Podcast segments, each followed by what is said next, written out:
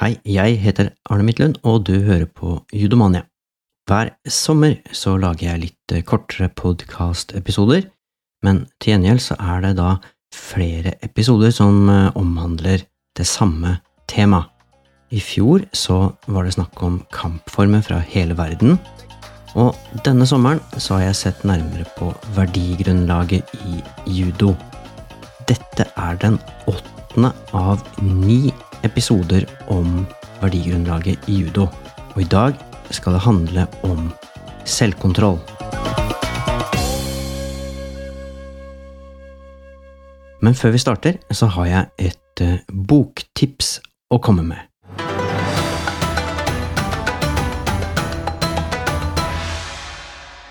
To ting gjorde meg nysgjerrig på judo. Noen bilder og noen ord. Bildene var av mennesker kledd i hvitt som fløy gjennom lufta. De falt ikke, men reiste med en klar retning og i et visst hastverk. Ordene var I judo kan du kaste folk over skulderen din.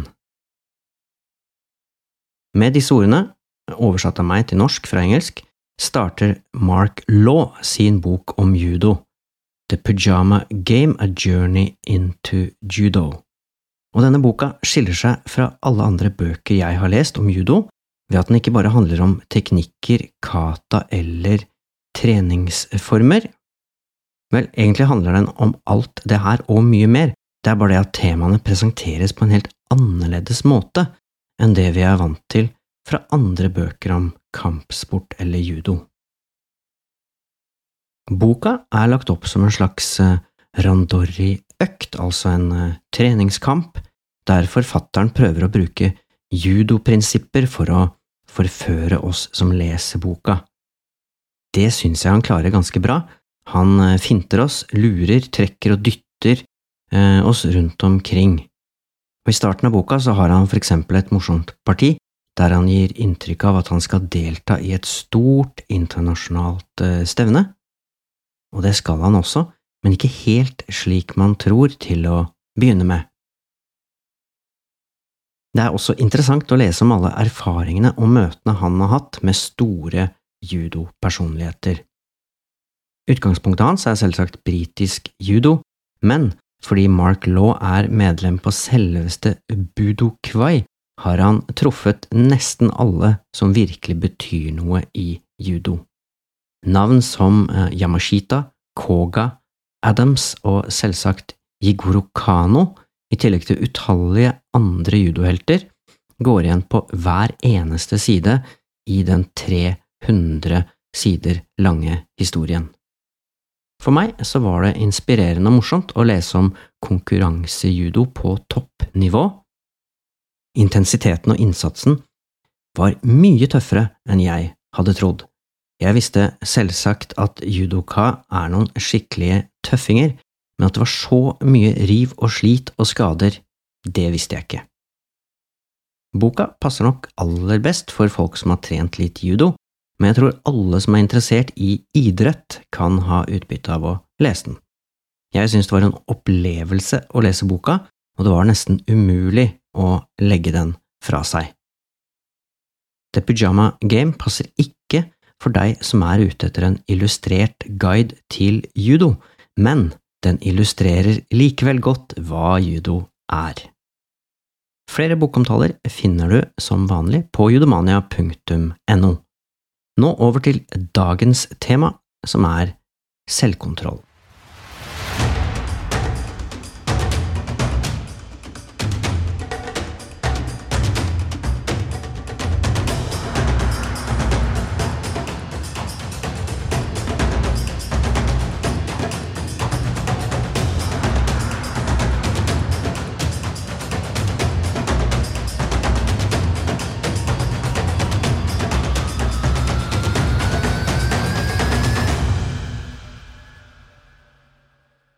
Det japanske ordet jisei har to betydninger på japansk. Det første som dukker opp om man forsøker å søke litt på nettet, er at ordet betyr dikt om døden, eller avskjedspoesi. Det er altså den som skal dø, som skriver et dikt, gjerne til de etterlatte. men dette er absolutt ikke den betydningen av ordet vi er ute etter når vi skal omtale en av kjerneverdiene i judo. Jisei kan nemlig også bety selvkontroll eller selvbeherskelse på japansk. Ordet er satt sammen av tegnene for selv og kontroll. Jisai kan for eksempel brukes i setninger som dette her. Han har stor selvkontroll, eller du må ikke miste selvbeherskelsen, eller jeg mediterer for å øke min selvkontroll. Selvkontroll er en viktig egenskap for en judoutøver. Selvkontroll innebærer naturligvis det å ha kontroll over impulser, følelser og handlinger, spesielt i stressende eller utfordrende situasjoner. Og slike situasjoner er det massevis av i judo, og en judoutøver må derfor ha selvkontroll for å kunne utføre teknikkene riktig, og for å klare å holde seg rolig og fokusert i for eksempel en konkurranse. Selvkontroll bidrar også til at man respekterer motstanderen og de reglene som gjelder i konkurranser, eller på trening for den saks skyld. Jigoro Kano, grunnleggeren av judo, mente at judo er veien til, altså den beste måten, å utvikle en effektiv bruk av både fysisk og åndelig styrke, og han mente at judo ikke bare handler om å vinne over andre, men også, litt sånn filosofisk sagt, om å overvinne seg selv. Han oppfordra derfor studentene sine til å drive med judo for å forbedre seg på alle områder i livet, og han mente at ved å utvikle selvkontroll gjennom å trene judo, kunne man også bidra til å eh, skape harmoni og fred i samfunnet for øvrig.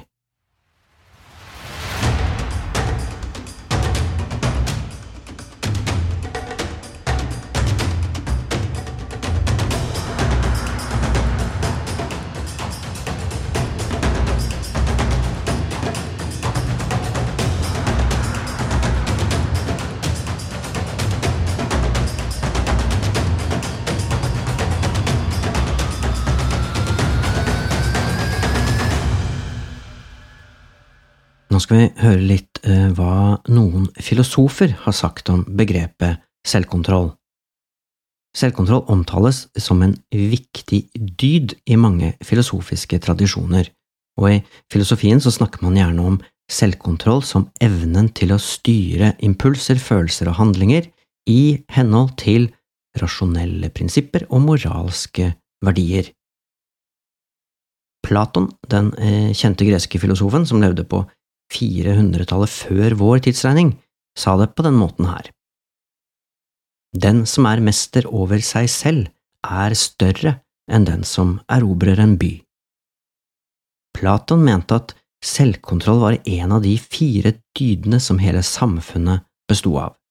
Visdom, rettferdighet og mot var de tre andre.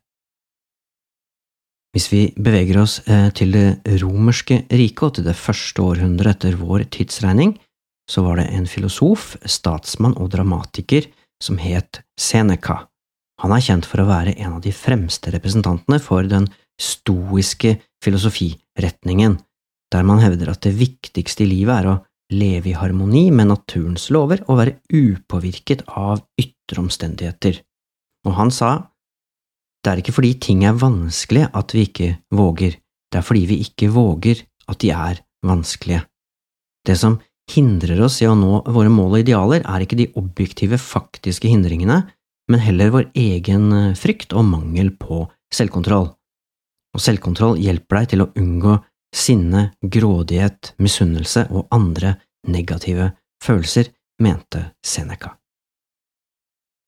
Beveger vi oss helt eh, fram til 1700-tallet, så har jeg jo pleid å vise til Immanuel Kant, og det kan jeg gjøre i denne episoden også. Han var en tysk filosof som levde på 1700-tallet, og han er jo kjent for flere ting. Blant annet var han grunnleggeren av det som kan kalles for kritisk filosofi, som undersøker eh, grenselandet og betingelsene for menneskelig fornuft.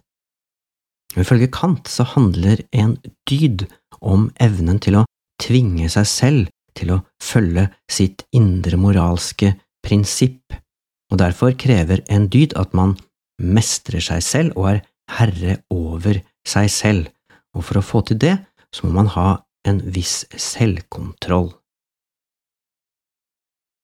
Jeg har bare lyst til i parentes eh, å nevne at ordet dyd, som jeg har brukt mange ganger i disse episodene i denne miniserien om verdigrunnlaget judo, det er jo ikke et ord som jeg bruker sånn til daglig, eh, og når vi slår det opp, så er det ikke mer komplisert enn at det bare betyr verdifull egenskap. Og ordet stammer faktisk fra norrønt dygd, som betyr god egenskap eller trofasthet. Så vet vi det. Å utvise en viss form for selvkontroll har i beste fall mange positive følger. Det kan for eksempel eh, føre til eh, bedre helse, i og med at du eh, tar sunnere valg, du kanskje er eh, i stand til å spise riktig, trene regelmessig, du unngår rusmidler, du unngår stress, og du klarer kanskje til og med å få nok søvn. Selvkontroll kan også føre til bedre skoleprestasjoner, eller hvis du har jobb, eh, bedre prestasjoner på jobb. Eh, du fokuserer smart, kan man vel eh, si. Det handler om å holde seg til mål, planlegge tidsbruken, prioritere oppgaver, motstå distraksjoner og å overvinne utfordringer. Det kan til og med ha positive ringvirkninger for relasjoner, fordi du blir i bedre stand til å regulere følelsene og kommunisere effektivt, lytte, vise empati og kanskje bidra til å løse konflikter. Og til syvende og til syvende og sist så kan alt dette her også gi deg en bedre selvtillit eller en bedre selvoppfatning, eh, fordi alt dette har å gjøre med identitet og selvbevissthet, selvrespekt og selvverd. Å ha selvkontroll eh, kan altså føre til en del eh, bra ting, men det kan også ha noen negative konsekvenser, i alle fall hvis graden av eh, selvkontroll overdrives. I så fall så kan for stor grad av selvkontroll føre til stress og utmattelse, fordi selvkontroll krever en viss mental innsats og viljestyrke, og det tærer på det vi kan kalle for de kognitive ressursene, altså eh, på si, hjernekraften og energinivået ditt. Og hvis man hele tiden skal unngå å gi etter for eh, fristelser og stiller strenge krav til seg selv om eh, det, så kan man bli stressa, bli trøtt, irritabel og, og få en redusert ytelse. Det kan også, av naturlige årsaker, egentlig på grunn av alt det jeg nå nettopp nevnte, føre til redusert eh, glede, og man blir mindre tilfreds. Og det gir jo mening, for hvis du hele tiden ofrer eh, alle dine behov, ønsker og interesser for å oppnå et eller annet langsiktig mål, så blir man eh, sliten og mindre glad. Det er viktig å gi etter for noen spontane eh, lyster og ønsker.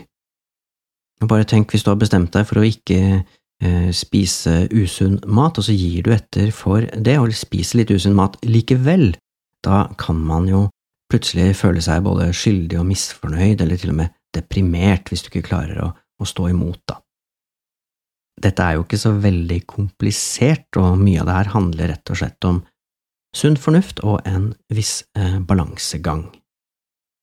Som det meste i livet, så er det derfor viktig å finne en, eh, en fin likevekt mellom selvkontroll og impulsivitet, eller mellom rasjonalitet og emosjonalitet, eller mellom plikt og lyst.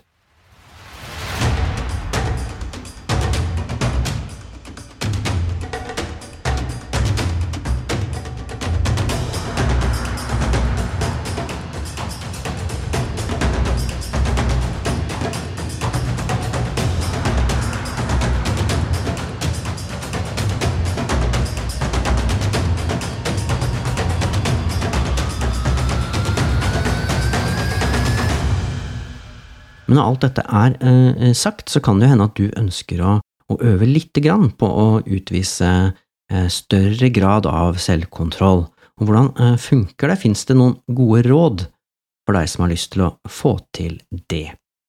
Ja, det gjør det faktisk, og her er fire råd. For det første, fokuser på én viktig ting om gangen. Det er nemlig lett å miste fokus og bli distrahert hvis du gjør mange ting samtidig. For det andre, tenk langsiktig, og som vi gjør i skolen, eh, planlegg gjerne baklengs. Start med det målet eh, du ser for deg, og bestem deg så for hvordan du må jobbe for å komme deg dit. For det tredje, unngå ting som fungerer som fristelser. Altså, hvis du for eksempel prøver å spise sunnere, bør du unngå å ha usunn mat hjemme i kjøleskapet eller i en eller annen eh, skuff. Det er ikke akkurat eh, rakettforskning, det her, men det kan fungere. Det fjerde og siste tipset handler om å lage noen planer, og kanskje til og med lage en eh, sjekkliste. Det er lurt å ha en plan, enten den er skriftliggjort eller bare i hodet ditt. Store oppgaver kan gjerne deles opp, og hvert trinn kan for eksempel være et punkt på en, en sjekkliste. Og hvordan vil det her kunne se ut i kampsport? Det er jo ikke sånn at vi flyr rundt med sjekklister i kampsport, så her kommer noen råd som er litt mer spesifikt rettet mot eh, judo eller andre kampformer. Punkt én, det er kanskje det aller viktigste, tren regelmessig og disiplinert, og det vil si Sett deg noen tekniske mål, eller taktiske mål, eller konkurransemessige mål, kanskje for et halvt år om gangen, og så prøver du å trene målbevisst mot det. Og Da møter du opp på hver trening, og så har du på forhånd bestemt deg for at i dag skal jeg prøve på dette. Punkt to. Følg regler og etiketten i den kampformen du trener. Ha respekt for instruktøren, dommerne, eh, motstandere hvis det er konkurranser, eller treningspartnere hvis dere er på trening.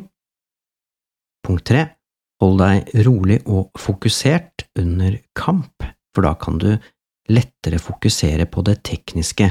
Prøv å unngå å bli frustrert eller eh, nervøs eller sint eller andre eh, ting. Punkt fire, bruk kraft og teknikk på en effektiv og kontrollert måte ikke gå inn for å eh, på en måte brenne alt kruttet samtidig, bruke all styrke, men prøv å tenke teknisk uansett. Punkt fem Aksepter resultatet av kampen med en viss form for ydmykhet og verdighet. Det er fint både for den du har trent eh, sammen med eller gått kamp mot, og det gir deg også eh, enda bedre utgangspunkt for å lære av de feilene eller de suksessene du har hatt. Det sjette og siste punktet har vi eh, kanskje allerede vært delvis innom, men jeg, jeg nevner det likevel, for jeg synes det er et godt eh, poeng. Eh, du kan vise selvkontroll i kampsport ved å tilpasse deg situasjonen og bruke den eller de mest effektive teknikkene. Da er du helt i kjernen av det som for eksempel er prinsippet i judo, om å utnytte motstanderens eh, styrke til egen fordel, og det er mye enklere å få til om du har eh, selvkontroll og ikke lar deg stresse i situasjonene. Det var alt for denne gangen. Neste gang kommer det en oppsummering av alt om kjerneverdiene i judo, og jeg skal også prøve å finne ut hvor disse verdiene egentlig kommer fra. For kommer de egentlig fra Igoro Kano og Japan, eller er de funnet opp et helt annet sted?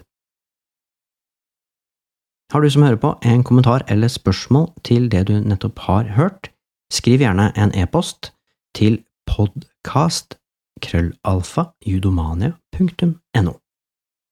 Det var alt for denne gangen, takk for at du hørte på, ha det bra!